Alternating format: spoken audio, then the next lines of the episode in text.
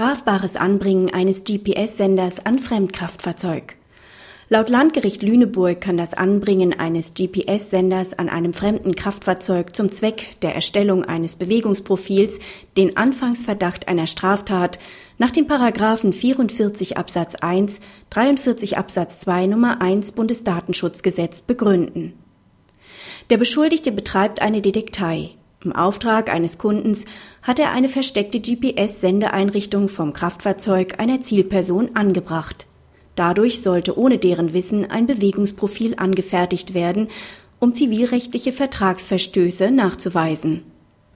Nach zufälliger Entdeckung des Senders während eines Werkstatttermins wurde gegen den Detektiv ein Ermittlungsverfahren eingeleitet und der Sender beschlagnahmt. Die Beschwerde gegen die Beschlagnahme des Senders blieb erfolglos. Nach Ansicht des Landgerichts Lüneburg bestand hier ein Anfangsverdacht wegen einer Straftat nach den Paragraphen 44 Absatz 1, 43 Absatz 2 Nummer 1 BDSG. Bei den GPS-Daten handelt es sich nämlich um personenbezogene Daten im Sinne von Paragraph 3 Absatz 1 BDSG. Denn sie ermöglichen es, jederzeit festzustellen, an welchem Ort sich das Fahrzeug zu einer bestimmten Zeit befunden hat.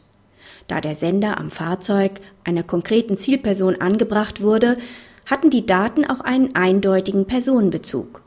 Die Daten wurden gespeichert und damit im Sinne von 43 Absatz 2 Nummer 1 BDSG verarbeitet.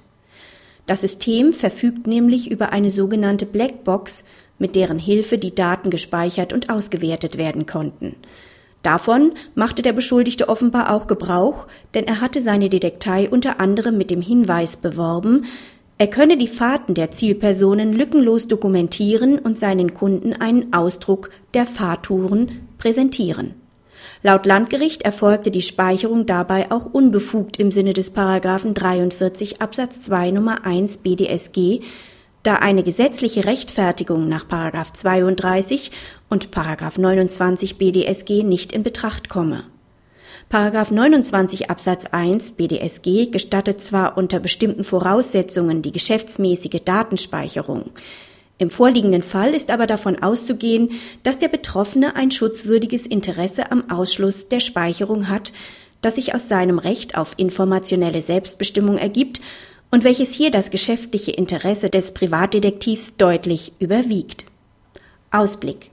Die Entscheidung könnte das Ende des Geschäftsmodells Erstellung von GPS-Bewegungsprofilen für Privatdetektive einläuten.